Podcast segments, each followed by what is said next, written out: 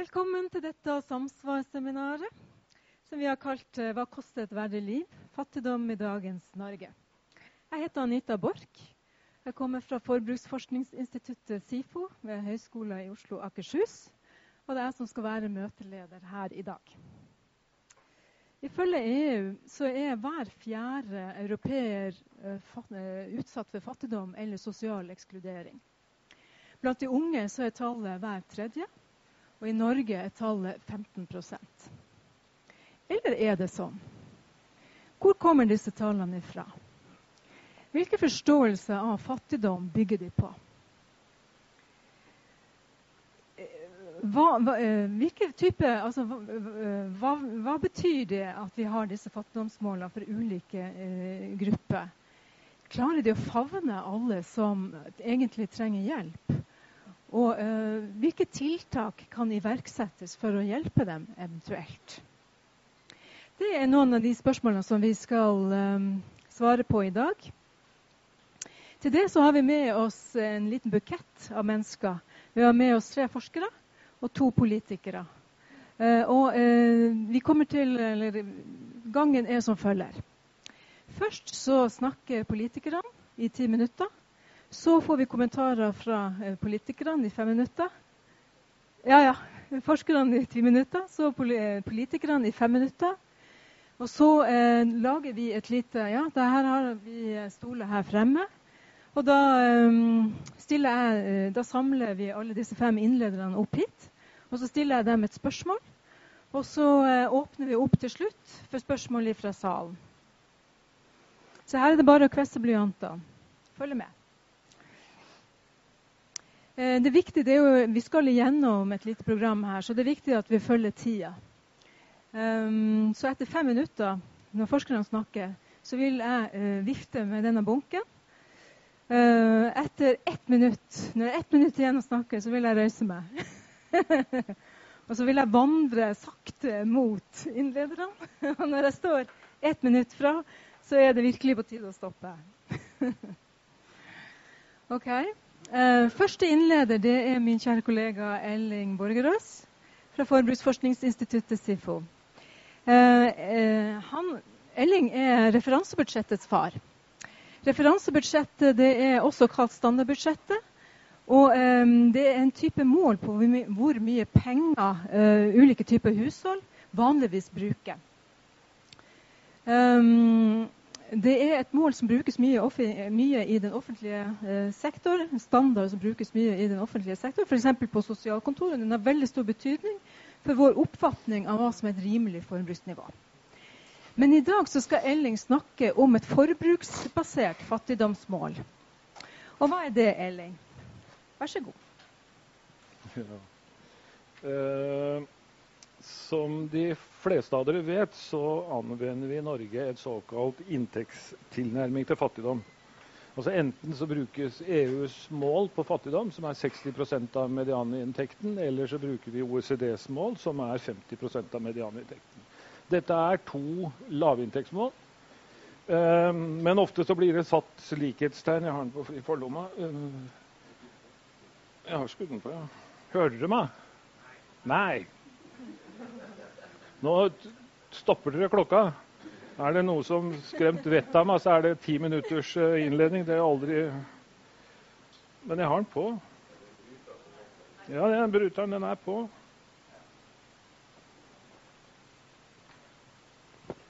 Kan jeg bruke din? Da er jeg bare kjapt her.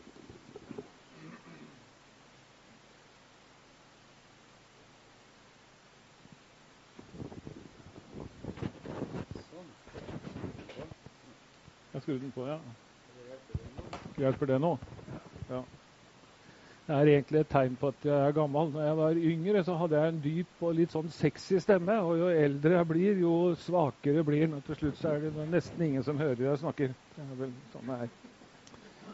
Jeg eh, snakka da om eh, OECD-målene, EU-målene, og, og, og, det varierer noe om vi i Norge bruker 60% eller, eh, av median eller 50 av median for å definere fattigdomsgrensa.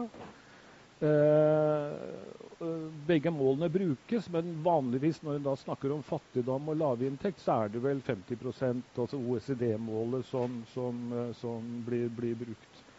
Og Argumentet for det er jo da at sosiale ytelser i Norge er bedre enn i mange EU-land. Og slik at kostnadene for nødvendig livsopphold da er lavere i Norge enn, enn, enn i EU, som er et sånt argument. Og Oftest er også kriteriet da, eh, på å bruke lavinntekt opp mot fattigdom er at man har hatt da lav inntekt i, en, i to år i en, i en treårsperiode. Jeg kommer tilbake til det, og jeg vet at min fra byrået vil snakke ganske mye om, om, om det. Men med ujevne mellomrom så oppstår det da en debatt eller, eller kanskje noen kritiske røster om denne måten å definere fattigdom på. Og her har jeg eh, en uttalelse fra Anniken Huitfeldt. Det var i samme måned som hun gikk av som arbeidsminister i 2013. Og hvor hun da stiller et ganske sånn retorisk spørsmål. ikke sant? Hun synes at den offisielle fattigdomsdefinisjonen er for raus, og stiller da spørsmålet om det er rimelig å sette fattigdomsstempelet på et hushold med to voksne og fire barn på en årlig inntekt på 685 000 kroner. Selv om det da kanskje virker raust for veldig mange, så er det veldig vanskelig å svare på det spørsmålet hun stiller. Fordi vi mangler noen kriterier for et svar. Altså, det blir veldig ofte sånn å se på hva jeg tjener, og, eh, og hva naboen tjener, men, men, men, men vi mangler gode kriterier. da. Så en skal bl.a. ha ekstremt god kunnskap om husholdsøkonomi, f.eks. Eh, for, å kunne, for å kunne vite hvor stor inntekt som er nødvendig for å, for å, for å skille mellom hva som er akseptable og uakseptable levekår. Og det er jo noe av de fleste av oss ikke har. da. Eh, men for ordens skyld, og som jeg gjerne, for å være helt på den sikre sida, så er det egentlig eh, ganske mange fordeler med lavinntektsmål. Så jeg argumenterer ikke mot lavinntektsmålet. Det jeg argumenterer eh, for, det er en automatisk kobling mellom lavinntekt og fattigdom. Det er god datatilgang med lavinntekt, også internasjonalt, som gjør det mulig å sammenligne mellom land. Og det er mulig også å sammenligne over tid, følge utviklinga over tid, og ikke minst også identifisere grupper med lav inntekt. Det er, det er for meg helt uproblematisk, og, og, og, og selvsagt så må vi liksom bruke den type, type mål. Men eh, men det er da en god del svakheter ved inntektstilnærmingen ved å knytte den opp imot, opp imot fattigdom. Eh, svakhetene er helt åpenbare, syns jeg. Det er at eh, disse inntektskuttene, om vi bruker 50% eller 60% av medianinntektene, er egentlig litt tilfeldig. Selv om det ligger en del dataanalyse bak, så, så blir det kuttet tilfeldig. Hvorfor ikke 66,7 for, for, for, for, å si det sånn? Altså, Eh, en har valgt noen mål. Eh, og det mangler da eh, en substansiell begrunnelse, dvs. Si, det vil si hva som er uakseptable levekår kobla opp til en gitt inntekt. Den, den, den, den, er borte. Og så er det altså da slik at, at det er en del problemer med, med forbruksvekter. da. Altså Forbruksvekter det er for å kunne sammenligne hushold med ulik alders og, og, og, og antall personer i husholdet og, med ulike alderssammenheng, så, så utarbeider vi altså vekter for, for, for, for, hushold. Det er kompliserte greier, og jeg skal ikke gå inn på, på, på, disse vektene her, annet enn å si at det er vanskelig å finne empiriske belegg for eh, både barnevekter og voksenvekter, men kanskje spesielt barnevektene. Og jeg går ut fra at du også vil si noe, si noe om det. Eh, og det er også noe med at vi måler ulikhet, som sagt, ikke, ikke nødvendigvis fattigdom. Og det er også da slik, som en kan se i debatten og en del disse kritiske røstene som snakker om, at det, det mangler nei, oh, fy fader, lav, lav, lav politisk legitimitet. Da. Eh, jeg er klar over at Men her oppsummeres i og for seg de viktige innvendingene mot, mot å koble lavinntekt opp mot fattigdom. Tone Fløtten. Jeg er klar over at det er mye tekst, men det er kun tre ting jeg er opptatt av her. Det er for det første at det fins kompensasjonsmekanismer eh, for dårlige levekår som ikke fanges opp i inntektstilnærmingen. Altså aktivitetskort for barn og unge f.eks. Og for det andre, og delvis som en følge av det første, så at det er mangel på overlapp mellom, mellom lavinntekt og levekårs, levekårsmangler. Også koblingen mellom lav inntekt og svake levekår er problematisk empirisk. Og for det tredje, som jeg da er glad, glad i, som da Tone, Tone, sier, altså en avklaring av hva som bør være et akseptabelt inntekts- og forbruksnivå for barn og voksne i Norge, vil styrke fattigdomsbegrepets legitimitet. Eh, og det er nettopp det som er temaet mitt, og som jeg da skal begynne på når jeg allerede har brukt halvparten av tida. Eh, eh, og det er også et forbruksbasert fattigdomsmål som, som et alternativ da, til, til, til, til eh, inntektsmålet. Og Det forbruksbaserte fattigdomsmålet bygger på SIFO sitt referansebudsjett, som definerer et nøkternt, men et rimelig forbruksnivå. Og Arbeidsflytdiagrammet her beskriver også de ulike elementene i oppbyggingen av referansebudsjettet. Fagfolk innenfor de ulike forbruksområdene utviklet da ved hjelp av både empiriske, normative og, og dels fokusgrupper en detaljert forbrukspakke, som, eh, som da ligger her. En detaljert forbrukspakke som representerer ett av flere eksempler på hva som er et rimelig forbruksnivå. Jeg har ikke tid til å gå inn på den her nå, men det er altså den modellen som ligger til grunn for utarbeidingen av minimumsbudsjettet. Og Det ble gjort på følgende måte. Ved hjelp av fokusgrupper som ble fulgt opp over en viss tid, ble forbrukspakken i referansebudsjettet, som ligger her, eh, diskutert. Og Det gjaldt alle aspektene ved denne pakka gå inn på dem som ligger her. Type vare, kvalitet, mengde, levebrukstid og pris. Eh, og målet var da å komme fram til hvilke varer og tjenester i referansebudsjettet som ikke inngår i et minimumsnivå. Altså snakk om å redusere referansebudsjettet. Og minimum ble da i praksis forstått som uh, blant deltakerne i fokusgruppene om altså minimum uh, blei forstått som det som var legitimt. Eh, altså grensene for hva som var legitimt at det offentlige brukte av våre skattepenger. ikke sant? Eh, litt sånn sosialkontor og sosialhjelp som, som lå inne. Og Kostnader ved å tilegne seg denne pakka er også lik den inntekten. altså Kostnaden er lik inntekten for å kunne ha et minimumsforbruk. Dvs. Si da i denne sammen den økonomiske fattigdomsgrensa.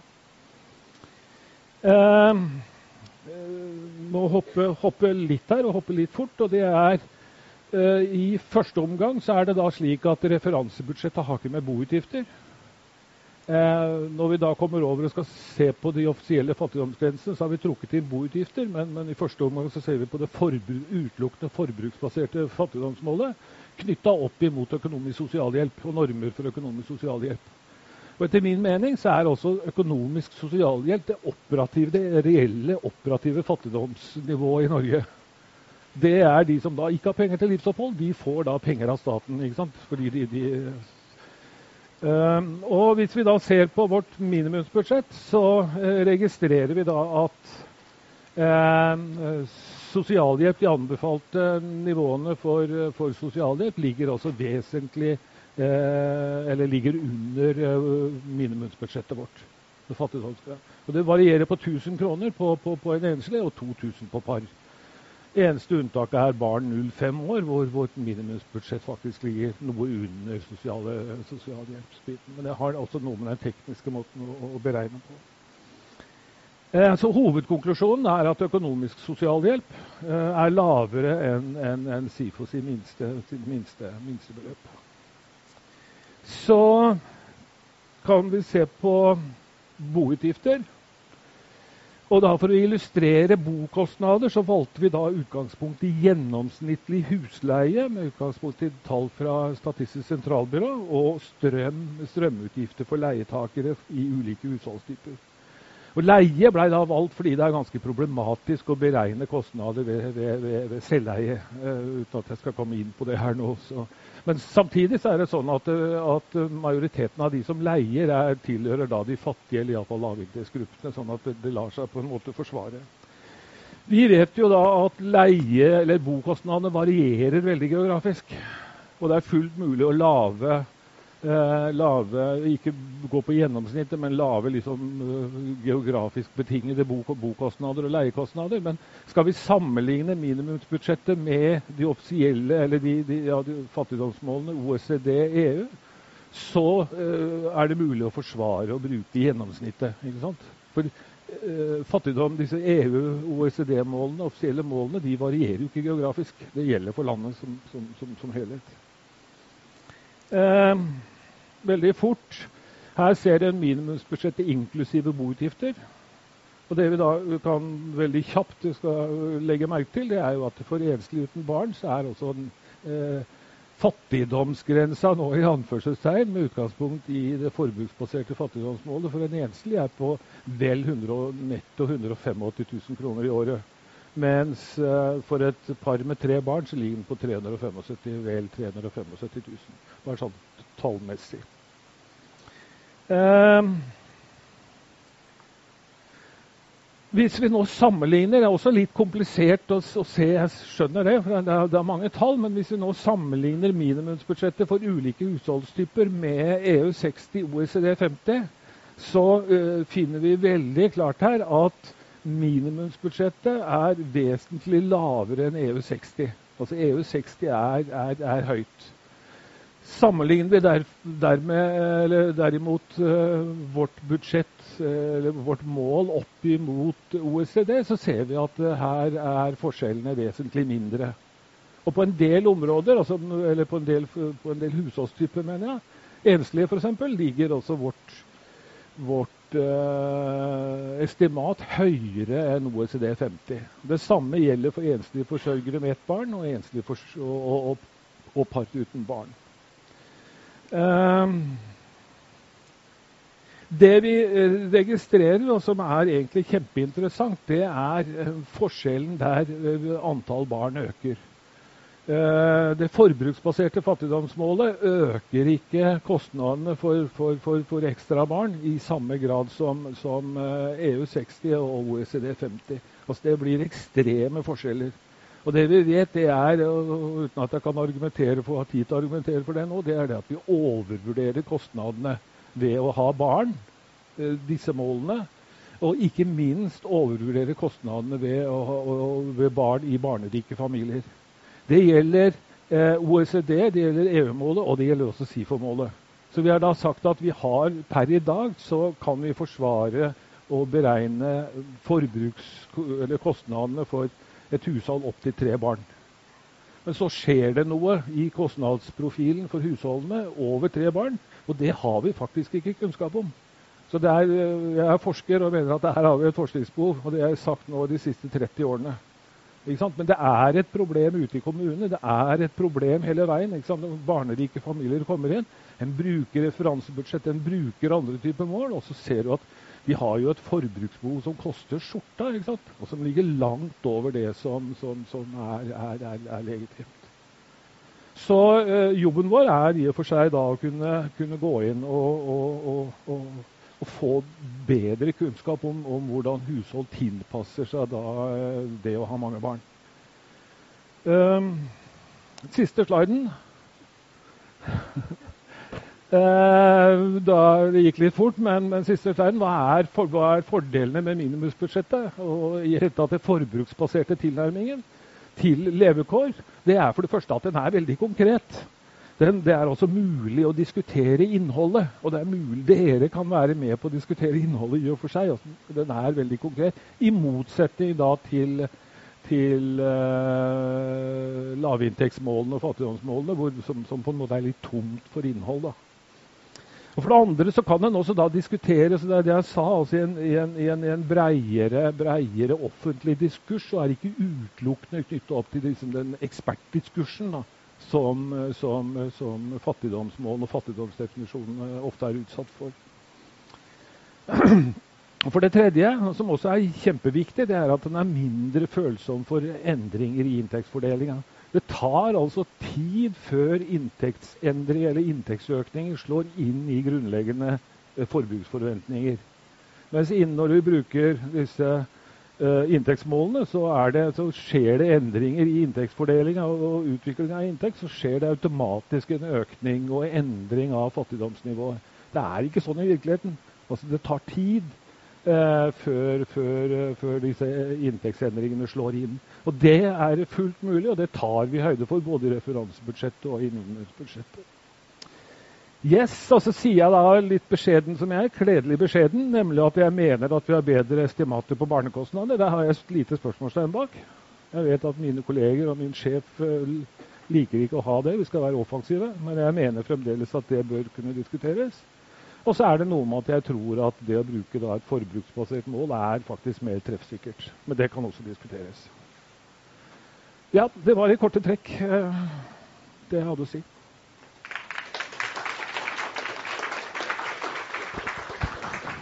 Tusen, tusen takk, Eiling. Vær så god. En liten oppmerksomhet i anledning.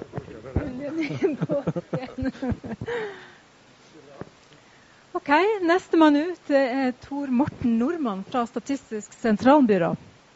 Og Han skal snakke om hvordan byrået har nærma seg dette med fattigdom. Vær så god. Ja, takk for det. Da håper jeg denne virker nå. Gjør den det?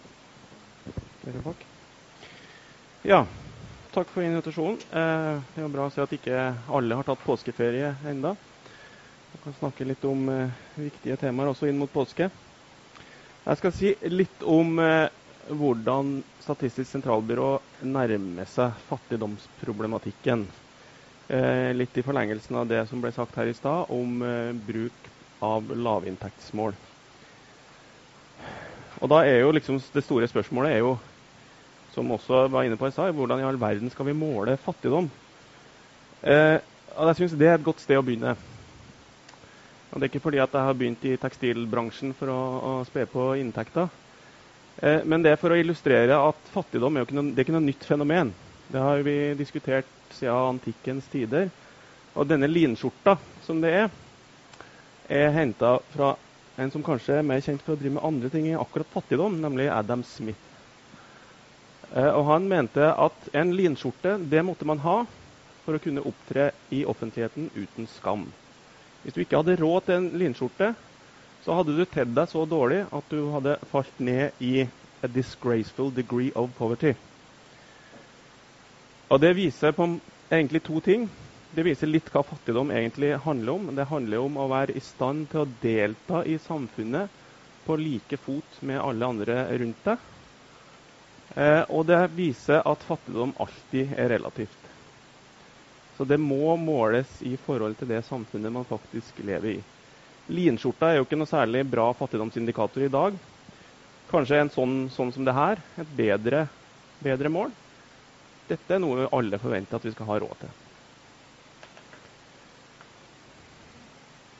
Så SSB sin tilnærming til, til, fattigdomsproblematikken er relativ. Altså Inntektsmålet er et relativt mål som alltid tar hensyn til hvordan samfunnet rundt ser ut. Og så blir det jo sagt, og det ble sagt her i stad også, at vi måler fattigdom. Men det gjør vi ikke. SSB bruker ikke begrepet fattigdom om vårt mål. Vi kaller det for lavinntekt. Og det er veldig, veldig bevisst. Nettopp av de tingene som vi snakka om, som, som, eh, som Elling var inne på her i stad så vi, vi, kan ikke konkretisere fattigdom og si eksakt hva det er for noen ting. Så vi nærmer oss det på en litt mer indirekte måte, og så kaller vi det eh, ja, Vi kan kalle det som, som EU, EU, gjør. EU har heller ikke noen offisiell fattigdomsdefinisjon. Så når man sier at EU sier at så og så mange er fattige, fattige, så gjør de egentlig ikke det. De sier at så og så mange er i risiko for å være fattige. Eh, og det er på en måte vår tilnærming til problemet. Og Det betyr også at man må se flere ting i sammenheng. Lavinntekt er jo ikke det eneste som beskriver fattigdomsproblematikk. Man må også ta inn ulike mål på levekår, levekårsproblemer, og se hvordan disse tingene henger sammen.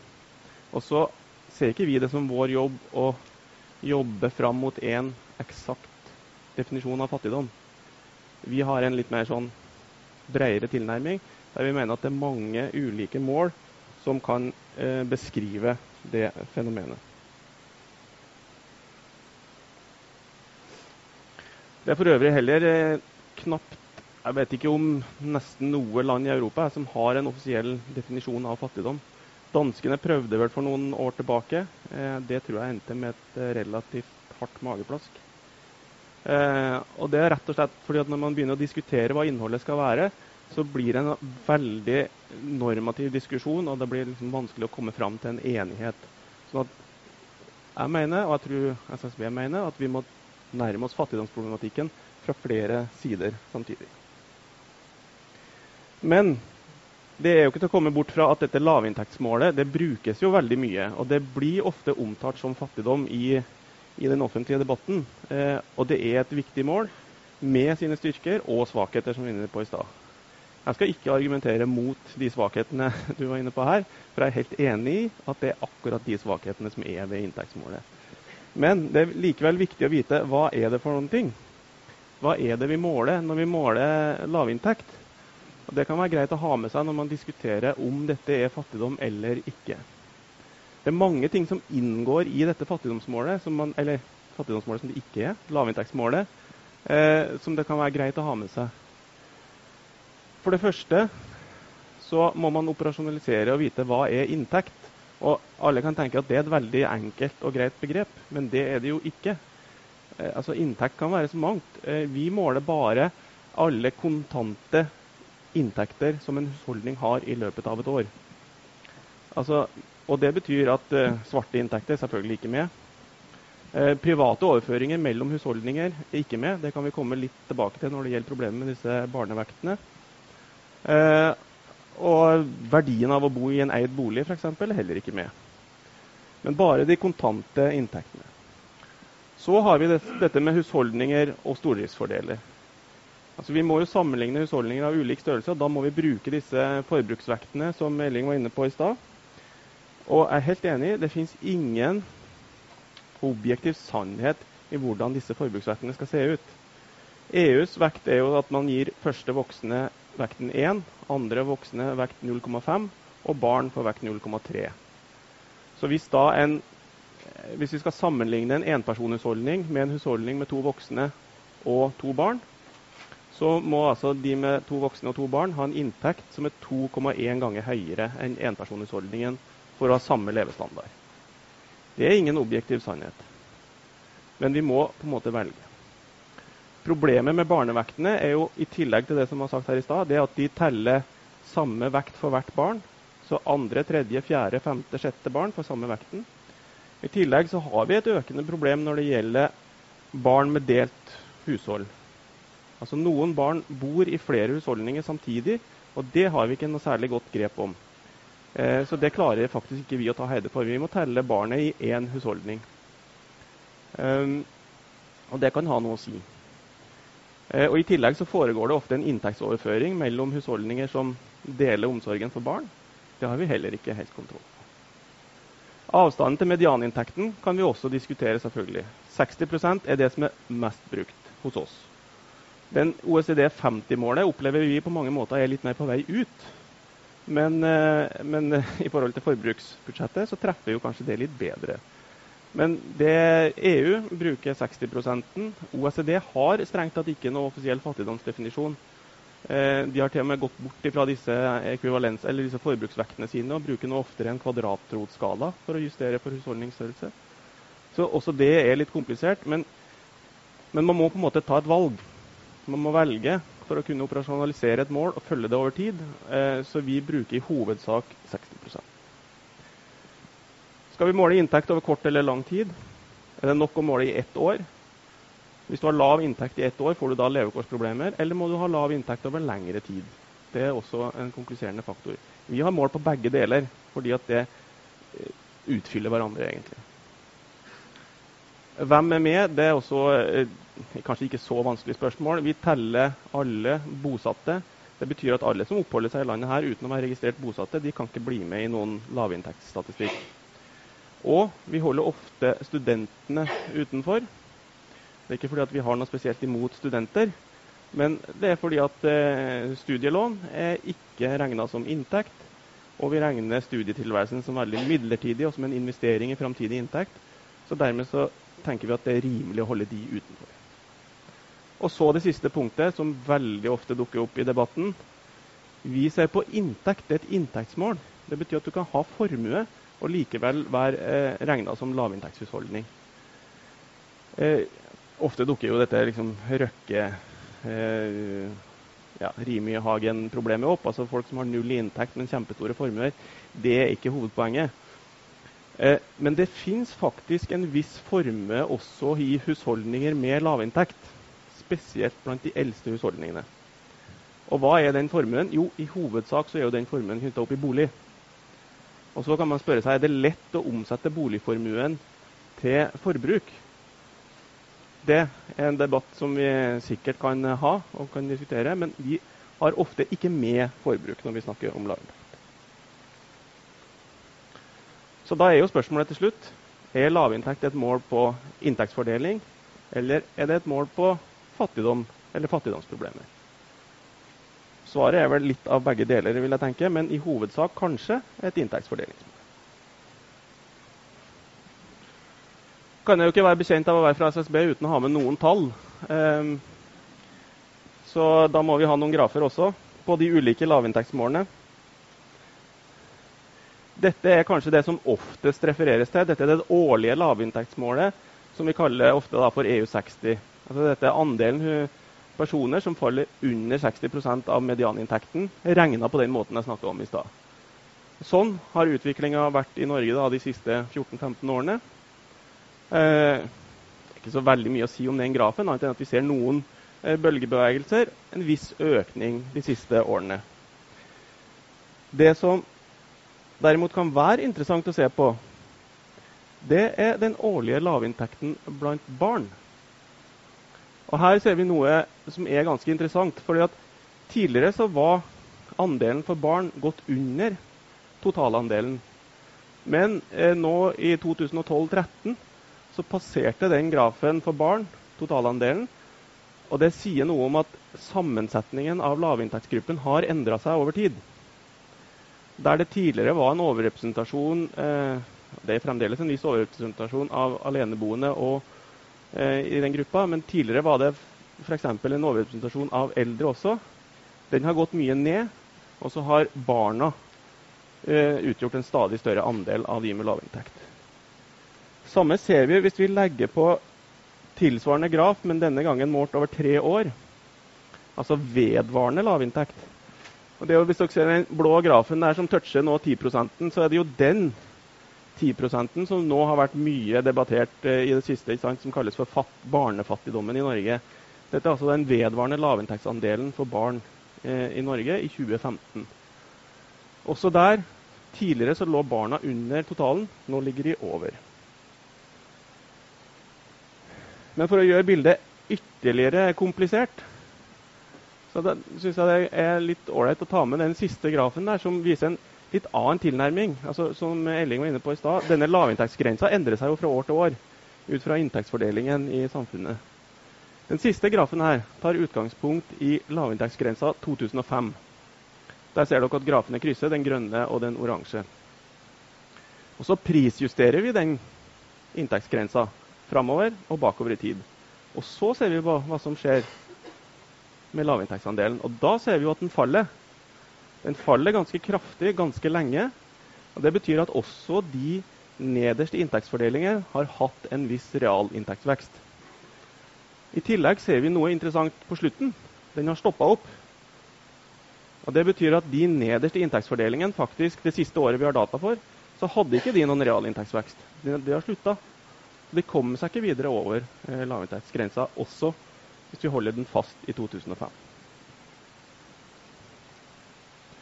Så det har skjedd noe med inntektsutviklingen som jo har vært veldig bra de siste årene, for, egentlig for alle husholdninger. Men det er noe med at husholdningene øverst i inntektsfordelingen har økt mer enn de nederst, sånn at den relative avstanden har blitt noe større. Dette er det EU-målet som ble referert til i stad. Det er ikke et rent inntektsmål. Her tar de inn flere ting samtidig. Dette ble utvikla i forbindelse med EUs 2020-strategi om, eh, om, sosial utvikling. Her kombinerer man lavinntekt med ulike levekårsmål. Nettopp fordi at man eh, erkjenner at fattigdomsproblemet er knytta til mer enn bare inntekt. Her kombinerer man det med eh, arbeidsintensitet, som det kalles, altså hvor mye yrkesaktivitet det er i husholdningen, og materielle mangler. Hva mangler man av sentrale goder? Litt som en forbrukstilnærming, nærmest. Og så lager man et mål som heter for igjen, det heter 'at risk of poverty'. Det heter ikke 'poverty'. Og det er, er ganske viktig å ha med seg. Tallene ser dere jo.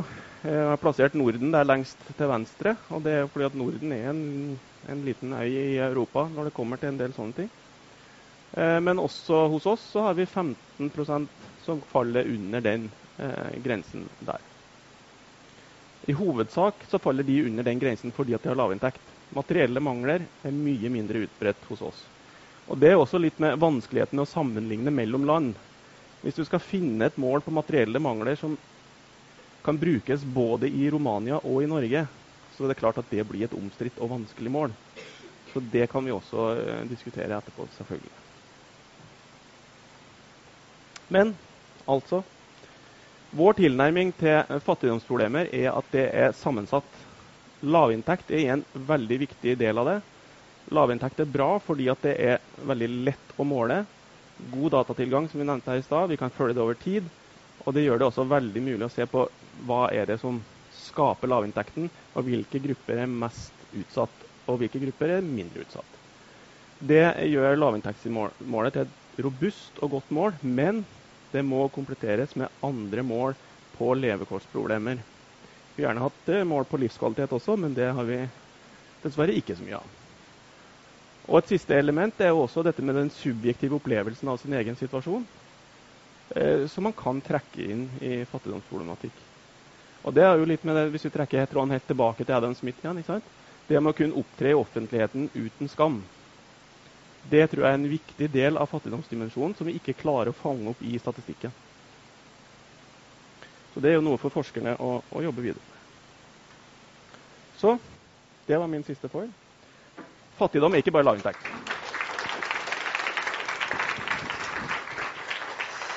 Tusen hjertelig. Tusen hjertelig. Vær så god, her skal du få litt påskegodt, du også. Um, Nestemann ut det er professor Bjørn Vinden.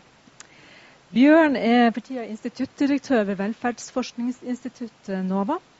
Han er også leder for eh, Nasjonal forskningsetisk komité for samfunnsvitenskap og humaniora, NESH. Og Dessuten så har han eh, i 2016 så kom han med en bok sammen med Rune Halvorsen fra Institutt for sosialfag ved Høgskolen i Oslo og Akershus, som heter 'Combating uh, Poverty in Europe'.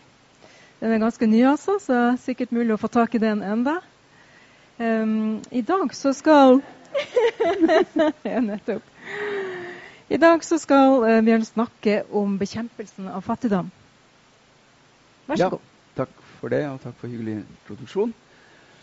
Um, ja, vi skifter litt gir her nå, som dere skjønner. Uh, nå skal vi også bruke litt tid, noen minutter, på å snakke på, om det enda vanskeligere spørsmålet hvordan man bekjemper fattigdom. Og det eh, tror jeg er verdt å gjøre, fordi når man begynner å diskutere det, så må man kanskje av og til også revidere litt spørsmålet om hva fattigdom er. Eh, og litt sånn eh, For å sette litt på spissen eh, Det er slik at um, bekjempelsen av fattigdom preges veldig mye av hvordan man ser på fattige. Og um, det er uh, tiltak ute i verden, ikke kanskje så mye i Norge, uh, men, men, det er opp til dere å vurdere. Men iallfall ute i verden, og også i Europa, er det altså tiltak mot fattigdommen som oppleves av de fattige som om det er de. De som skal bekjempes. Så, så Sånn litt satt på spissen er det den, den eh, innretningen jeg velger her nå. At vi, vi, må fokusere på å bekjempe fattigdommen. Eh, jeg eh, vil knytte altså min, mine kommentarer her til det arbeidet vi gjorde i denne boken, som altså er resultatet av et såkalt FP7 EU-prosjekt som vi fullførte da i fjor. hvor vi, Rune Halvorsen og jeg, hadde en særlig interesse nettopp på å se på hvordan fattigdomstiltakene, og, og da særlig det som skal gå vekk på nå, EUs Active Inclusion Policy, hvordan den er farget av oppfatninger av hva fattigdom er. Og vi har nå hørt eh, fra de to foregående, eh, både Elling og, og Tor Morten, at det er, eh, det er, eh, selvfølgelig en kjerne her som er vanskelig nok i seg selv å håndtere. Eh, hvordan kan man oppnå dette å gi en, folk en inntekt som, som er ikke bare til å overleve på, men som også gir en i stand til å leve med verdighet i samfunnet. Og nå har eh, min foregående eh, kollega her eh, på en måte foregrepet litt noe av det jeg hadde sagt, men det er jo for så vidt en hyggelig bekreftelse på at dette er viktig. Dette er jo et perspektiv som, som, eh, som eh, ikke bare Adam Smith var veldig tidlig med å formulere, sånn som vist, men som også ikke minst eh, vel en av nåtidens største intellektuelle verden, Amartya Sen, har utviklet videre i sitt, sin teori og sitt begrep om capability, eller, som på norsk høres litt rart ut. og Sen sier faktisk selv at han er ikke så veldig glad med det ordet han valgte, men, men det er nå så. Men altså stikkordet er dette med, med hvilke muligheter har folk til å sånn i rimelig grad eh, leve det livet de ønsker å leve? Har de mulighet en, en effektiv fridom, frihet til å forfølge eh, det livet de gjerne vil ha? Og det handler om dermed også kunne ha uavhengighet og med det også egenansvar for sitt liv.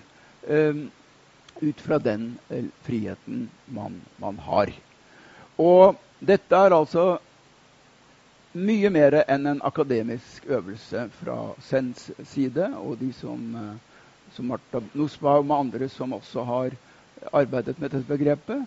Dette begrepet har spilt en kjemperolle i, i særlig FNs eh, eh, programmer for fattigdomsbekjempelse og utvikling. Og, og som allerede nevnt, det, det, spiller en veldig viktig rolle også som bakgrunn for EUs eh, eh, strategi for aktiv inkludering. Og denne jeg eh, skal ikke dra en lang fortelling om det. Det kan altså interesserte lese mer om her i denne boken. Men dette skriver seg altså fra et initiativ som eh, hadde litt eh, bad timing, for å si det sånn. Det, det ble, kom akkurat i 2008, da finanskrisen satte inn. Og dette som ligger i denne strategien, som jeg skal prøve å si noe stikkord om nå, var egentlig kjempeambisiøst. Fordi her skulle man eksplisitt ikke snakke om, om uh, alle som uh, hadde trasige vilkår i samfunnet, men man skulle eksplisitt fokusere på de som, som man sa, var lengst fra arbeidsmarkedet. Slik at dette var uh, et sett av tiltak, en, en, pakke, som hadde som mål å ikke si, ta seg av de mange generelt som ble rammet av arbeidsløsheten osv. som følge av den krisa som begynte i 2008. Men det var egentlig ment som et mye videre og, og som sagt ganske ambisiøst program.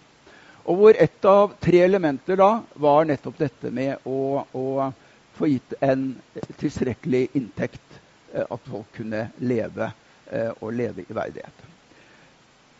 La meg gå litt videre, fordi her er det slik at eh, element to er, er dette som vi i Norge kaller et inkluderende arbeidsliv, som jo særlig er forbundet med denne I-avtalen, men som jo i og for seg er et mye viktigere begrep enn enn den avtalen, eller hva den avtalen kanskje har oppnådd. Og det er jo ideen om at, at skal vi som samfunn klarer å hjelpe folk som står utenfor og har vært utenfor lenge, inn i arbeidslivet, så handler det ikke bare om å utstyre dem med, med ulike kvalifikasjoner, eh, jobbtrening og sånt, men det handler faktisk også om at det må være et arbeidsliv der ute som vil ta imot folk og gi dem sjanse til å få en jobb og vise hva de duger til, og, og opparbeide eh, det som de fleste av oss nyter ved å være i arbeid. Dette med sosial kontakt, eh, selvtillit osv. Og, og, eh, så her i denne del nummer to så, så, er det altså inkludert både dette med at arbeidslivet der ute, arbeidsgiverne i stort, må, må i rimelig grad etterspørre også arbeidskraften til de vi nå snakker om. Og, og selvfølgelig Nav og lignende etater eh, med ansvar for å hjelpe folk i arbeidslivet, må, må, ha ikke bare som oppgave å pushe folk, men de må også utstyre folk i rimelig grad med, med kvalifi kvalifi, kvalifikasjoner, eh, jobbtrening osv. Og, og det som gjør etter min mening denne pakken særlig interessant, fordi disse to kjente, de foregående elementene er jo vel kjent fra det vi i Norge har kalt en sånn aktiv arbeidsmarkedspolitikk. Ja, her skal det både være inntektssikring og det skal være arbeidsrettede tiltak. Og det som understrekes veldig sterkt i denne, denne si, dette initiativet fra 2008, er at det er viktig dessuten at folk eh, har tilgang til nødvendige andre tjenester. Helse, eh, inkludert tannhelse. Eh, vi vet at eh, søker du på en jobb i en butikk og har lite fortenner, så kan det være faktisk noe som gjør at du ikke får jobben. Realistisk sett. Eh, en del folk som har levd lenge med lite inntekt og kanskje litt røft liv, de kan ofte ha ganske dårlig tannhelse. Og det, tannhelse i det hele tatt er et litt undervurdert område i norsk sosialpolitikk, etter min mening. Men la nå det ligge. Men det er også snakk om at eh, er du enslig mor, eh, så er det ikke nok at du i og for seg har tilbud om jobb, men du må også ha tilgang til eh, rimelig ja, Både eh, lokal eh, tilgjengelig, men også økonomisk overkommelig barnehage. Eventuelt gratis barnehage i en periode osv. Og, og det handler om, om, andre ting som gjelder altså måtte bidra til at hvis folk har hatt en, en periode med litt røft liv, så hjelper det ikke bare om å si at 'nå skal du i jobb, eh, kjære deg', men du, du, du, må også få hjelp til å, å liksom rydde litt opp i dette her. Og jeg mener, eh, og det tror jeg ikke EU var klar over, men faktisk var det på, på slutten av eh, 1990-tallet og begynnelsen av 2000-tallet et kjempeinteressant prosjekt som eh, hadde en litt kryptisk tittel, men som nettopp hadde som mål eh, å gjøre dette. Kombinere disse tre typene av tiltak. Og eh, de fikk vel ikke den arbeidsmarkedseffekten de hadde håpet på den gangen, men de oppnådde altså eh, å gi folk uansett et bedre liv. Så litt fortere eh, nå til til slutt. Eh, eh, litt sånn satt på spissen. Det, det blir et villspor å basere seg på at, eh, at, det er sånne veldig quick fixes for å få til eh, Eh, fattigdomsbekjempelse. Altså dette å si at den, fattigdom bare handler om å ikke ha en jobb, eller at fattigdom er arbeidssky og må presses eh, til å ta jobb osv. Dette er jo egentlig langt på vei en ansvarsfraskrivelse som dessverre vi ser ganske mange steder, kanskje også tendenser til noen ganger i Norge, eh, hvor man eh, klandrer den som er offer for uheldige omstendigheter. Og derimot, det som trenges, er jo eh, eh som allerede nevnt, eh, det antydet, det er altså en dialog mellom profesjonelle hjelpere og personen som er fattig, hvor altså eh, dette som vi finner i mange lover i Norge, dette med individuell plan, faktisk også tillempes på dette området, og hvor den personen det gjelder, i rimelig grad høres i, i planlegging av hva som kan hjelpe vedkommende. Eh, det trengs selvfølgelig et godt samarbeid med de ulike av det lokale tiltaksapparatet. I Norge Nav, helse- og omsorgstjenester, tannlegetjenester osv. Og, sist det, og det er vel noe av det som vi endte opp med som et, noe av det mest utfordrende i denne boka vår, det var jo det, det manglende samsvaret mellom styringsnivåene. Både mellom hva EU der oppe, eh, rådet og kommisjonen, sa gjør dette, kjære vene, men, men, eh, men altså nasjonalstatenes myndigheter eh, var ofte ganske lunkne til å følge opp, selv om de formelt sett hadde sluttet seg til det i, i rådet. Og, og eh, enda mer utfordrende ble kanskje eh, forholdet mellom statlig nivå og lokalt nivå, som heller ikke er vel helt ukjent i Norge. Eh, jeg skal avrunde bare med å si at eh, i denne debatten som vi nå har, som er kjempeviktig, så gjør vi lurt av, å, sånn som allerede uh, gjort av foregående innlegg her, vi gjør lurt av å skjele litt utover ene landegrense. Fordi uh, en del tiltak ute i verden handler om at man skaper working pool. Altså man, man får folk ut i jobb, men man presser folk inn i lavtlønnsjobber med null utsikter til å komme videre. Som altså blir sånne blindgater i folks liv.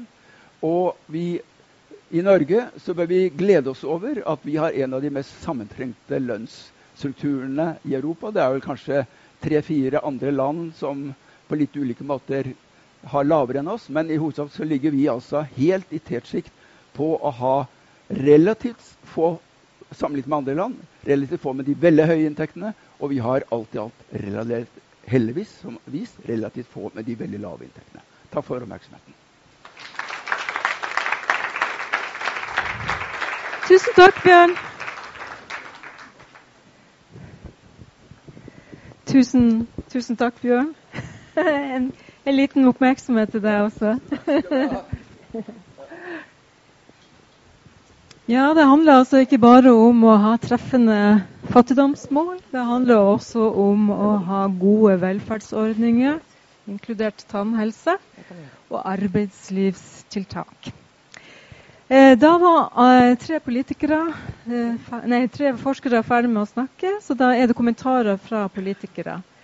Og først ute er Heidi Nordby Lunde, stortingsrepresentant for Høyre. Vær så god.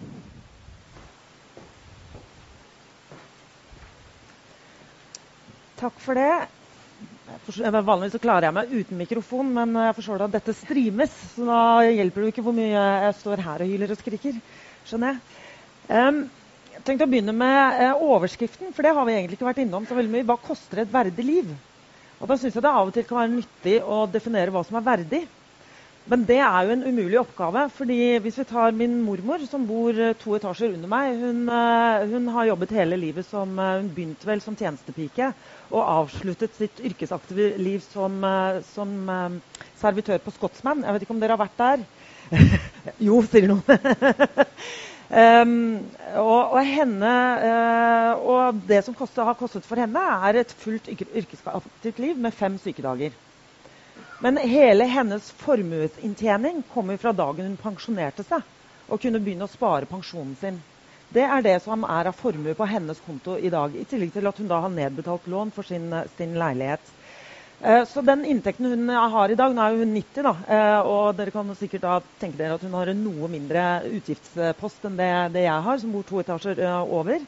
Jeg vil jo tro at hun definerer verdig inntekt og verdig liv litt annerledes enn det f.eks. jeg gjør.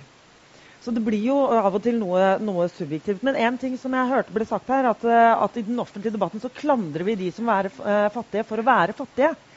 Eh, og at man, eh, man, ser på fattige som å være arbeidsskye. Den påstanden hører jeg veldig ofte, og den påstanden kommer gjerne ofte i, i, forbindelse med politisk debatt.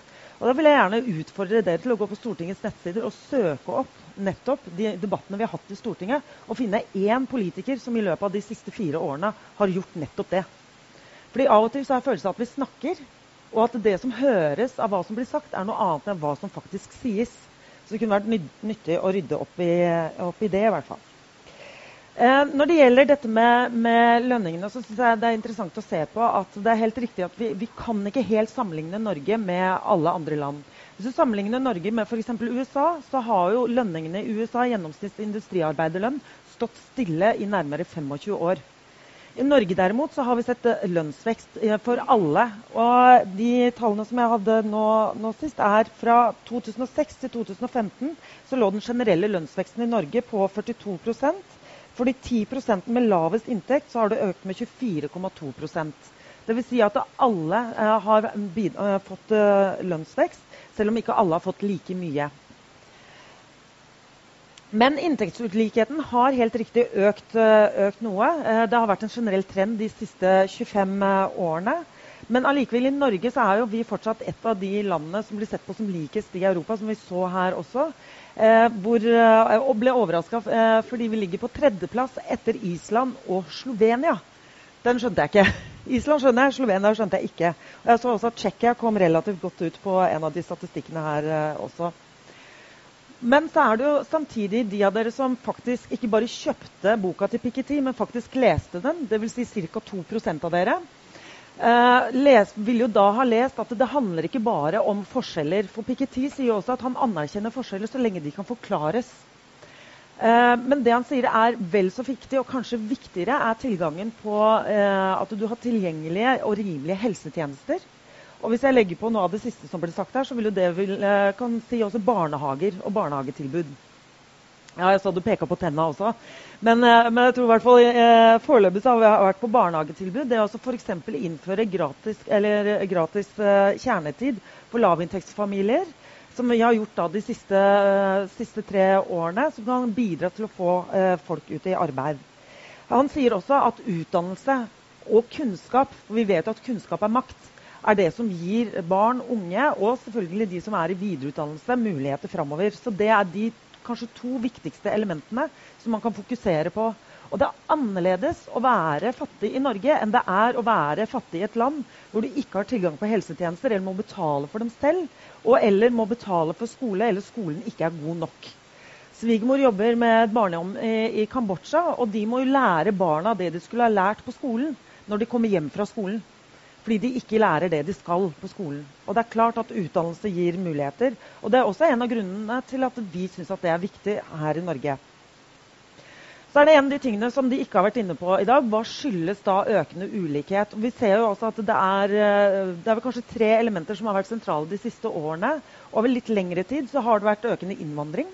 Og man ser jo at uh, eksempelvis så er det utgjør uh, barn av innvandrere utgjør rundt 15% totalt i befolkningen, men utgjør altså over halvparten av barna som blir definert som ba innenfor barnefattigdom. Så Det sier jo litt om hvor utfordringen eh, ligger, og hvor man bør også sette inn tiltakene. Så er det også Pga. de par siste årene etter oljeinntektsfallet så eh, mista vi 50 000 jobber innenfor én sektor, og arbeidsledigheten har økt. Og Det har også ført til at hvert fall de siste tre årene så har man hatt eh, økende ulikheter. Nettopp fordi at de som står utenfor arbeid, eh, da faller i inntekt. Så den største forskjellen på å være fattig i relativt forstand eh, og få opp inntekten, er jo å stå i arbeid. og Derfor arbeid er så viktig. Lønnet arbeid viktigste faktoren for å hindre fattigdom. Og vi mener jo også at det skal lønne seg å, å arbeide. Så hørte vi uh, altså Brochmann-utvalget sier jo selv også at det er uh, Man må legge inn innsatsen på å få folk ut i arbeid, og ikke låse folk i en fattigdomsfelle gjennom å øke kontantytelsene. Og Det er en av grunnene til at det har vært veldig viktig å nettopp sørge for at det lønner seg å arbeide. Hvilket betyr også at man ikke skal ha en klasse med 'working poor'. Hvilket jeg mener at man ikke kommer til å ha i Norge så lenge vi sørger for at alle har tilgang på helsetjenester, utdannelse og basale rettigheter og inntektssikring slik vi har. At vi skal beskytte de, de systemene.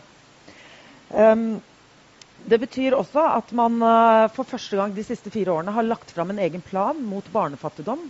Som må sørge for tiltak som er nettopp retta til de som ikke har uh, mulighetene til de andre, for å sikre nettopp da aktiv inkludering. Det betyr bl.a. at i fjor så signerte eh, regjeringen sammen med frivilligheten eh, og tror jeg også KS en avtale om at alle barn skal ha mulighet til å være på minst én aktivitet i uka uten at det koster dem noe. Det tror vi er viktig for at barn skal føle seg inkludert og nettopp ha eh, alle de samme mulighetene som, eh, som andre. Så utdanning og arbeid er svaret, ikke økte kontantytelser. Og da handler det jo også bl.a. om uh, det som var på sliden, den siste sliden her, at du sørger for kompetanseheving for de som kommer nye til Norge, og eller de som faller utenfor arbeidslivet, enten man uh, har bodd i Norge hele livet eller har vært her en stund. Og Det betyr arbeidsretta programmer som gjerne også kan begynne før man faktisk har tilgang til arbeidsmarkedet. Det handler om språkopplæring både for, eh, for kvinner og, og, menn. Men vi ser at det er store forskjeller på hvilke grupper som faller utenfor. Um, innvandrere til Norge uh, ligger på en arbeidsdeltakelse på rundt 66% Men det er jo stor forskjell mellom de som er fra Europa uh, og europanære land, som, hvor, som, kommer til Norge nettopp for å arbeide, og de som kommer bl.a. som asylinnvandrere og eller på familiegjenforening. Og Da må man nettopp ha et annet blikk på hvilke programmer er det som hjelper. Hva er det vi skal eh, legge inn av støtteordninger. så ser vi også at uh, når det fungerer, når vi får det til å fungere, så tar det nok en tre, fire, fem år før folk uh, i, kommer seg ut i arbeidslivet. Og så ser vi igjen at veldig mange da er i arbeidslivet i kanskje syv år før de faller ut igjen. Så vi har noen utfordringer med å både eh, sørge for at folk kvalifiserer seg inn i arbeidslivet, og at de blir i arbeidslivet. Og det gjelder uavhengig av om du har minoritetsbakgrunn, innvandringsbakgrunn eller har eh, bodd eh, og oppvokst i Norge hele livet. Så det handler om å, å, være flinkere også til å identifisere noen av faktorene, sånn at vi kan sette inn de tiltakene vi, vi, ønsker. Men inntektssikring har vi i Norge. Tilgang på helsetjenester har vi i Norge. Og tilgang på en god utdannelse som er rimelig og tilgjengelig for de aller fleste, har vi i Norge. Så da begynner det å, å gå på kalibrering av hvordan vi kan få, uh, få, sørge for at disse systemene holder seg over tid. Så da ser jeg at du står, men ikke har begynt å bevege deg. så da er jeg vel innover. så da sier jeg takk foreløpig. tusen, tusen takk skal du ha. Vær så god. Takk for det. Å, sjokolade. Ja, ikke sant. ikke sant. Da er det Karin Andersen, stortingsrepresentant fra Sosialistisk Venstreparti, som skal gi sin kommentar. Vær så god.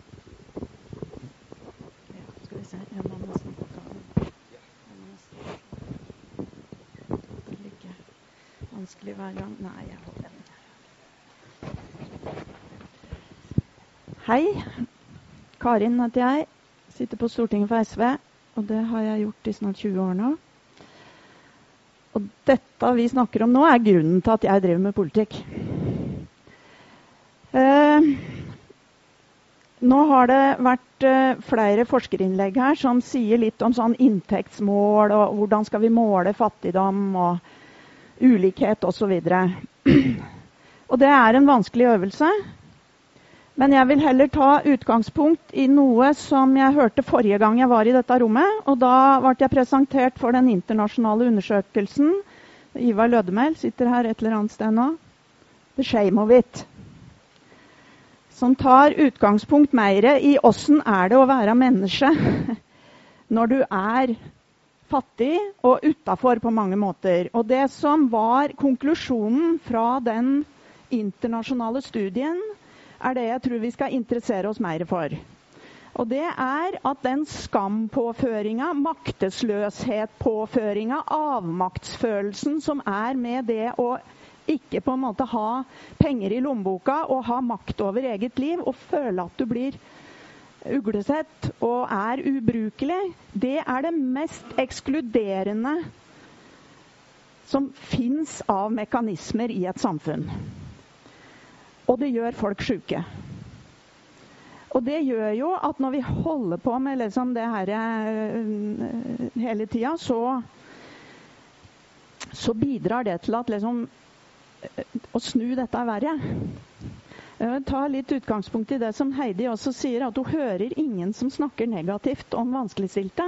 Altså, Jeg hører det hver dag, så jeg tror det er liksom litt øra som hører. Og jeg tror at de som har for å si det sånn, føler seg truffet av dette. De føler seg utrolig truffet. Det er sånn der, eh, Når Bjarne Håkon Hansen og andre sier sånn 'stå opp om morgenen'. Ja, det, Noen treffer det ikke, for å si det sånn, for de ser verken på avisa eller på Dagsrevyen eller noe som helst. Men de som det treffer skikkelig, er de som virkelig har det vanskelig og skammer seg. Og blir det bedre, liksom? Nei, det gjør ikke det. Så når vi snakker hele tida om disse intensivene, in insentivene, lønne seg å jobbe, alle disse greiene her, så treffer det veldig på folk som gjør så godt de kan, men føler at liksom veien fram til å bli akseptert er så lang. Så det er nesten umulig. Og da handler det om penger, men det handler òg om å bli akseptert. Og så handler det om at det er forskjell på å leve med lite penger i et samfunn der alle har lite penger, og der, uh, leve i et samfunn der mange har, uh, mange har, har, mye penger. Så det handler jo ikke om den, den fattigdommen nødvendigvis som liksom handler om at du ikke har penger i, i skapet etter mat. Så snakker vi, så dette handler altså om ulikheter i samfunnet som vi må bekjempe. Og da er det jo drivere i den ulikhetsdebatten som handler om også hvordan rigger vi skattesystem, f.eks.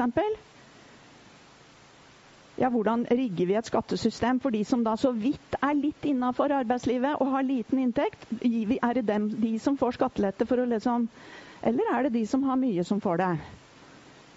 Det driver forskjella. Hvordan drives forskjella av at man kutter i ytelser til noen av de som står lengst fra arbeidslivet?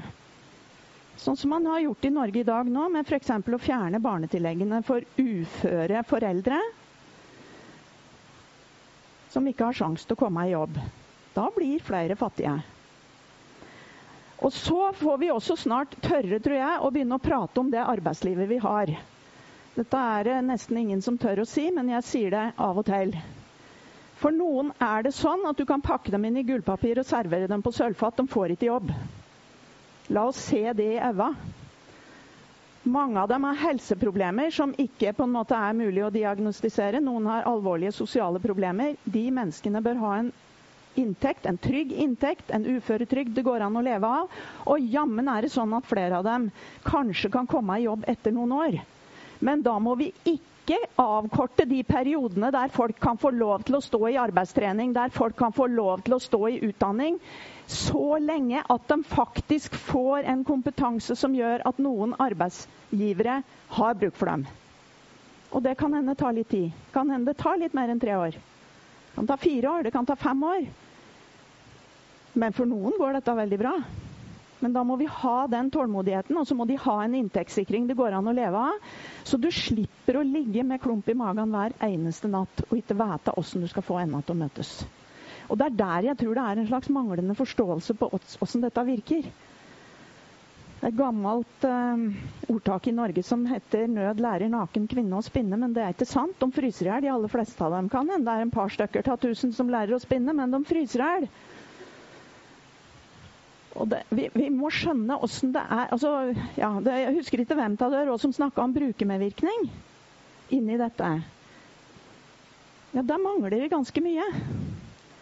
Brukerstyrt senter på Hamar som driver på lavterskel psykiatri, er gode på dette. De kurser de som trenger hjelp, og hjelperne samtidig, og lærer dem å prate sammen. Og så sier de sånn Å jøss, virker det sånn det jeg sier? Det er kjempeviktig å få til en brukermedvirkning også som er reell, sånn at det faktisk blir en endring. Og ikke bare sånn 'kom og sitt ved bordet og prat med meg lite grann'. Og så gjør vi egentlig sånn som jeg hadde bestemt allikevel. Altså Hvis man ikke tar inn over seg realiteten til de som er vanskeligstilte, og rigger det etter det Det siste nå er jo liksom at Nav-kontorene Nå skal du måtte bestille time på Nav. Du skal ta kjentmannsprøven i byråkrati og IKT for å få hjelp på din svarteste dag i livet. Altså, dette er ting som hele tida skyver folk bort, som er i den situasjonen, og forteller dem at de ikke duger. Du får det jo ikke til, du. Jeg fikk det ikke til, jeg heller, når jeg prøvde, for jeg har testa ut disse systemene. Så her er det mye som, som ikke virker. Og jeg opplever at politikken nå er full av nytale, liksom. Det er, eh, det er, mulig Heidi, at du ikke hører at noen snakker negativt om, om, de vanskeligstilte, men de vanskeligstilte føler at det gjøres hver eneste dag. Nå er det, det er jo til og med oljeboring for klima nå, liksom, så er, du kan jo si de rareste ting, liksom. Så det, det, ja. så det vi er nødt til å gjøre, er jo å bestemme oss for at vi skal ha inntektssikring som det går an å leve av. Og der må inntektssikringen opp for de som ikke er i arbeid. Jeg får se på disse tallene på barn, for jeg var litt, eh, litt uh, i stuss på de tallene. Så må vi slutte å snakke om inntektsøkning som prosent for de mest vanskeligstilte. Altså 2% på lønna mi og de er noe helt annet enn 2% på de mest lavtlønte eller de med lavest inntekt. Og du betaler ikke husleie og mat og fritidsaktiviteter i prosenter. Så hvis du skal si noe om noe går an å leve av, så må du regne på noe annet enn prosent. Så må vi si noe ærlig om arbeidslivet, som er vanskelig å komme inn i nå. Og det er ikke lett å få ansettelse hvis du ikke har fått kompetanse som har tetta igjen de høla du har i CV-en, og som forteller at 'nå har jeg blitt en stayer'. 'Nå har jeg fullført noe', 'nå har jeg gjennomført noe'. Det ser arbeidsgivere på så er vi nødt til å stoppe også det vi ser nå på sosial dumping i arbeidslivet, for det er alvorlig nå. Vi er i ferd med å få en klasse med working pool i Norge. Og mange av dem har ikke norsk statsborgerskap, men en del av de som er mest vanskeligstilte og ikke får den inntektssikringa de trenger, er jo pressa ut i dette også. Med svart arbeid, med sosial dumping. Og der ser vi jo nå en endring. Det er første gang på en mannsalder at inntektene i noen av lavinntektsyrkene står stille og, og du får realnedgang. Det har du også gjort nå på pensjonistene. Nå, det kommer til å bli tredje året på rad nå. Da kanskje den statistikken på pensjonister i fattigdomsposisjon også endrer seg igjen. ikke sant? Hvis vi ikke gjør noe med disse, disse tingene. Ja. Jeg ser du reiser deg opp. Det er eh, Det er eh, Ja. Så det å sikre Altså, du må ha god fordeling politikk i bånn.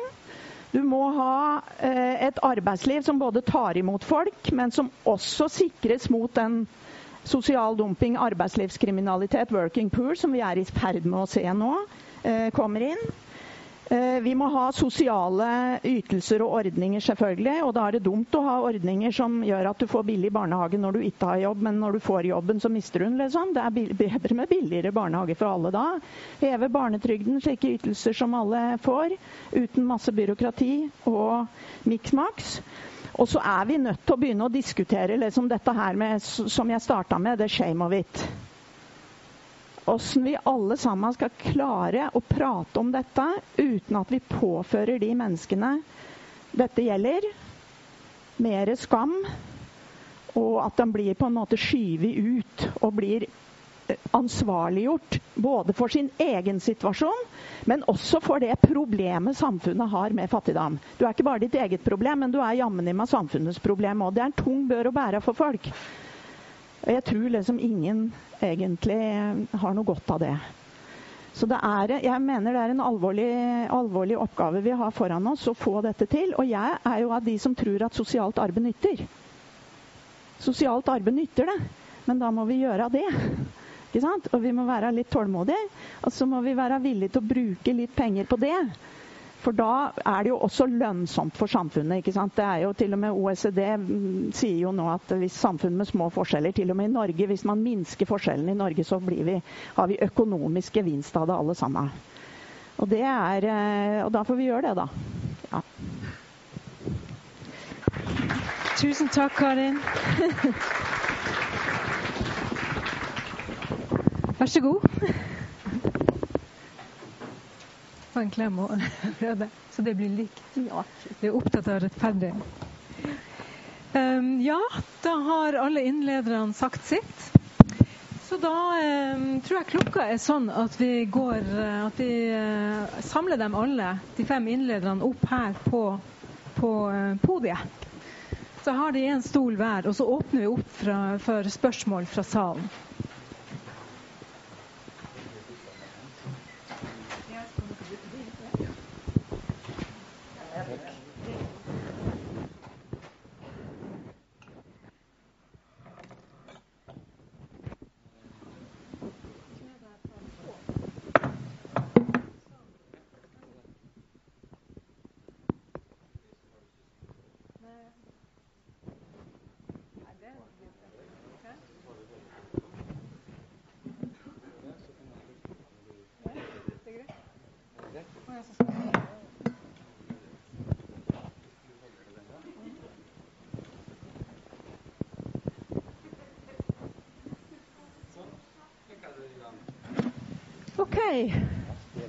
Da regner med at det er mange som sitter og brenner inne med noen spørsmål.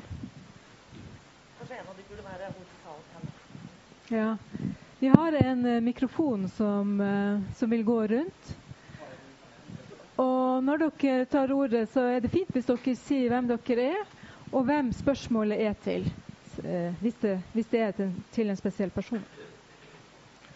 Ja, takk. Jeg heter Lars Kristoffersen og jobber på NOVA ved Høgskolen i Oslo og Akershus. Takk for fine innlegg fra både forskere og politikere. Jeg har imidlertid et viktig spørsmål, og det er eh, Det kan gå både til politikerne og forskerne, faktisk. Jeg vet at SSB har regna på det, og det ble ikke nevnt så mye her. Eh, barnetrygden ikke vært oppjustert siden 1996. Det vil jeg veldig gjerne ha noen kommentarer på, for jeg vet det er gjort interessante beregninger av hva det kunne bety. Mange takk.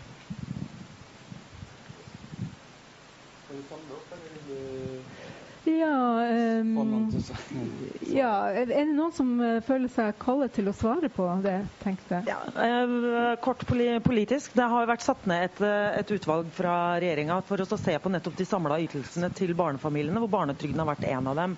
Det er jo litt uenigheter om man da ønsker å heve den, og så heve da inntektssikringen til alle, eller om du skal heller bruke de pengene på å spisse de inn til tiltak for de som trenger det mest. Altså mye til de som trenger det mest, ikke litt til alle. Eh, så vet jeg, Her er det jo en reell uenighet, politisk uenighet mellom høyre- og venstresida. Vi ser jo mer på spissa tiltak til de som er mest utsatt, mens andre ønsker mer universelle ordninger. og Det er en helt eh, reell debatt. Eh, barnetrygden bare for å ha sagt det, har vært en veldig vellykka ordning og som har bidratt til å nettopp løfte barnefamiliene i de årene som, altså de tiårene som den har eksistert. Så det har vært en bra ordning som vi har støtta fullt ut, men som vi nå ser på hvorvidt bør endres på for å spisses mot de som trenger det mest. Ja, barnetrygden er viktig. Den har ikke vært som du sier, justert seg i 97. Og det har, gir store utslag på barnefattigdom at det ikke har gjort. Og Så er det jo da spørsmål hvis vi skal eh, øke den, hvordan skal vi gjøre det? Eh, og da bør den jo økes litt for alle. Og så bør vi øke for de som er aleneforsørgere, for de har i hvert fall en veldig økt fattigdomsrisiko, hvis det er det vi skal snakke om. Økt fattigdomsrisiko har familier med én forsørger eller de med mange barn. Og Da er jo disse tallene dere presenterte litt i stad litt interessante. Men jeg skal ikke gå inn på det. Så vi mener at vi skal heve barnetrygden for disse gruppene som en universell ordning. Grunnen til at vi ikke vil ha noe behovsprøvd barnetrygd, er jo at da får du en ny fattigdomsfelle. Ikke sant? Så en gang du da får litt høyere inntekt, så mister du den. Og så er vi nødt til å tette det hølet som tar altså 300-400 millioner kroner fra de fattigste familiene som går på sosialhjelp. Det har Finansdepartementet regna ut pga. Av avkorting av sosialhjelp mot barnetrygd. Det er ikke så rart at mange blir fattige når vi tar 400 millioner kroner fra de familiene hvert år. Og Det er, det er tall vi har fått fra Finansdepartementet, og det er de som har regna ut det, hvor mye det tapet er. Ja. Da har politikerne fått sagt sitt, og så har Bjørn bedt om ordet her. Ja. Vi ber dere om å være litt kort, så ja. vi får flere spørsmål med. Veldig kort. Jeg må si at jeg også for min del tror mer på universelle ytelser enn på på å behovsprøve barnetrygden, eller eh, eh, som, som, antydet. Jeg tror jo også at faren for at man stigmatiserer folk som mottar barnetrygd, øker veldig hvis man eh, eh gjør den behovsprøvd. Og jeg tenker jo også at eh, man må jo ha en diskusjon her om, om Uansett hva man gjør med barnetrygden, så tenker jeg at det å vurdere gratis barnehage for alle er kanskje et vel så aktuelt tiltak eh, nå i dag enn, en det kanskje var for noen år siden, da barnetrygden ble etablert. Og uh, Nå har ikke noen som har snakket uh, konkret om kontantstøtten, men uh, jeg tror Heidi Lunde indirekte refererte til den. Altså, Den er jo virkelig en fattigdomsfelle. Takk. Mm, okay. Takk, Bjørn. Da har vi et spørsmål. Mikrofonen er klar fra deg. ja? Det er Dag Westerheim. Jeg kommer fra Velferdsalliansen og det europeiske minsteinntektsnettverket i Norge som akkurat har satt i gang et nytt eh, prosjekt med dette med referansebudsjetter. Eh, dette med fattigdom har vært en sånn aktiv akademisk lek siden utjamningsmeldinga i 97. Og det er eh, noe som pågår under ethvert politisk regime. Og det er ingenting som virker faktisk av det som blir iverksatt på lang, lang sikt. Men jeg har spørsmål til Bjørn Winden eh, først. Dette med tilgjengeligheten av velferdsordningene. Dette med den byråkratiseringen for å få, få la oss si, de eh, velferdsordningene. Eh, hvordan har dere forsket på det i forhold til dette med altså take-up? Altså, hvordan er det å få adgang til det? Og så er det et annet spørsmål eh, til Borgerås. Eh, dette med dette minimumsbudsjettet. Eh, hvem var med i dette panelet som utarbeidet budsjettet? Hvem var med? Var det noen brukere der, eller var det noen forbrukere med i dette utviklingen av budsjettet? Og så er det til Lunde. Jeg husker at du nevnte at dere driver med aktiv inkludering. Det er overhodet ikke tilfellet. Det er aktiviseringspolitikk. Fordi jeg hadde en voksenopplæring med Anniken Hauglie nå i januar om aktiv inkludering. Og det henger ikke sammen. For det, første har vi ikke noen rettighetsfestet sosialhjelp. Vi har ikke noe rettighetsfestet minimumsnivå. Og det er et viktig element i dette med, med aktive inkluderingsstrategier. Så eh, har dere da, dere da, vurdert å drive og rettighetsfeste eh, sosialhjelpen i Norge? Til eh, Heidi Lunde. Takk. Okay. OK, da, det var mange spørsmål, men dere fikk dere med dere. Men prøv å svare kort her, for det er flere som venter på å få spørre. Ja, eh, takk for eh, spørsmålet, som vil være rettet til meg. Eh, jeg eh, har ikke forsket på det du skisserer konkret med byråkratisering av tilgang til velferdstjenester eh, på noen år, så jeg tror min kollega Ivar Lødemel er eh, mer lærlig til å svare på det. Men jeg tenker meg jo at allerede, som vi har vært inne på, at dette handler dels om hvor utilgjengelige velferdstjenester gjør seg. Altså at man for å få avtale må man ringe til en telefonsvarer og så legge en beskjed. Og en del folk vet jo for hette det, særlig hvis det er sånn trykk 1 og trykk 2 osv. Men, men en annen side er jo det som vi har toucha et par ganger her nå, dette med, med det ubehaget som folk kan føle eh, at det er ved å oppsøke behovsprøvde tjenester. Og den tror jeg man lett kan undervurdere. Hvem var jeg har jo gått på Nav sjøl som arbeidsledig, og jeg vet ikke om det var så mye mer verdighet å gå inn og trekke en kølapp på papir og sitte der en hel dag og ikke kunne bestille time. Så vi kan jo godt se på ulike måter å få møte med Nav på, sånn at man ikke ekskluderer noen. Men jeg syns ikke det var spesielt mye mer verdig. Men jeg syns ikke det var uverdig å være der heller. Jeg visste at jeg hadde et behov, og jeg visste at dette her var en legitim rettighet. Uh, og, og, sånn skal det være. Det er ikke noe skam i å være fattig, men det er en skam at verke, altså dersom vi eller de ikke forsøker å gjøre noe med det. Det er der vi må gjøre det. Det er for øvrig et sitat fra Dostojevskij, hvis noen lurte.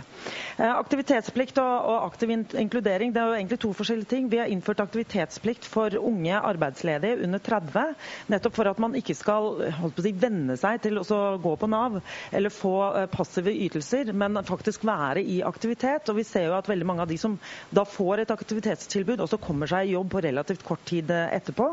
Men det som går på aktiv inkludering, vil jeg si er, er, er mye, mye mer. Altså Altså det er jo alt som gjøres i forbindelse med, med målretta tiltak til eh, barnefamilier.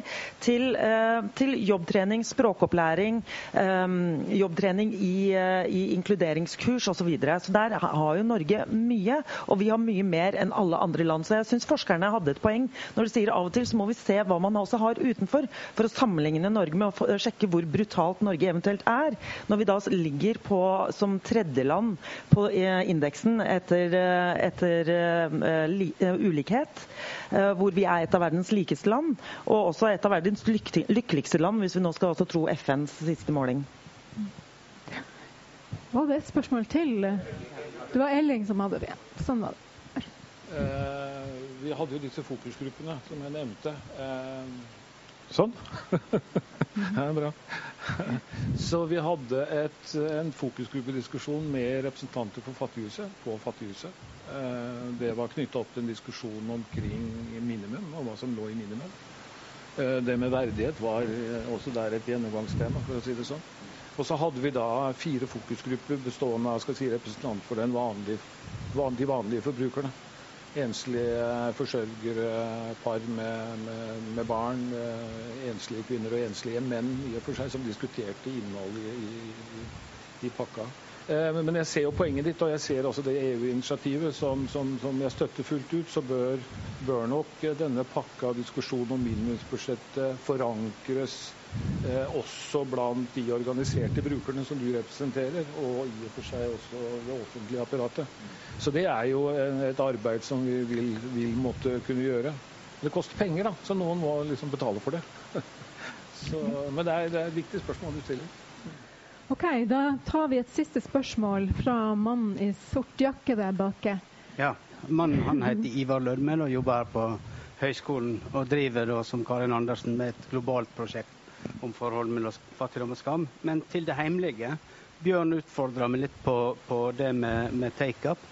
Eh, hvis en skal se eh, et byråkrati som, som lager stengsler med vond vilje, så skal en se filmen I. Daniel Blake. Da ser en hva som skjedde i Storbritannia. En ser tendenser til det samme i Norge, men jeg velger å tro at det ikke er vond vilje. Eh, byråkratiet øker, og, og IT-kunnskapen du trenger for å håndtere systemet, har blitt mye høyere. Men jeg tror ikke det er vond vilje, men det kan fort politisk snues til vond vilje. Jeg tror ikke vi er der ennå i Norge. Eh, for de som har vært med en stund, så, så vet en jo at eh, vi hadde en voldsom eh, fattigdomsdebatt for 15-17 år siden. En Arbeiderpartiregjering falt sannsynligvis mye pga. at eh, de ikke hadde nok eh, tiltak eh, og troverdige i 2001. Vi får ikke igjen den debatten i dette, i dette valgåret. Men vi ser noen tilløp, bl.a. som gode, gode, Dette er et godt eksempel på. Det jeg lurer på, kanskje til byrået og til andre også Vi hadde ikke fokus på innvandrere i, og barnefamilie i 2000. Eh, barn var et, var et, veldig mobiliserende uh, begrep. Hvis du sier fattigdom, så er det et politisk handlingsimperativ. Sier du barnefattigdom, så blir det sterkere. Det ser ikke ut til å virke i år. Uh, er det fordi at, at barna har fått farge? Og var det mindre farge i statistikken eh, fra byrået rundt 2000, eller er det bare at det, har vært så stor økning blant innvandrere som har ført til denne økte barnefattigdommen?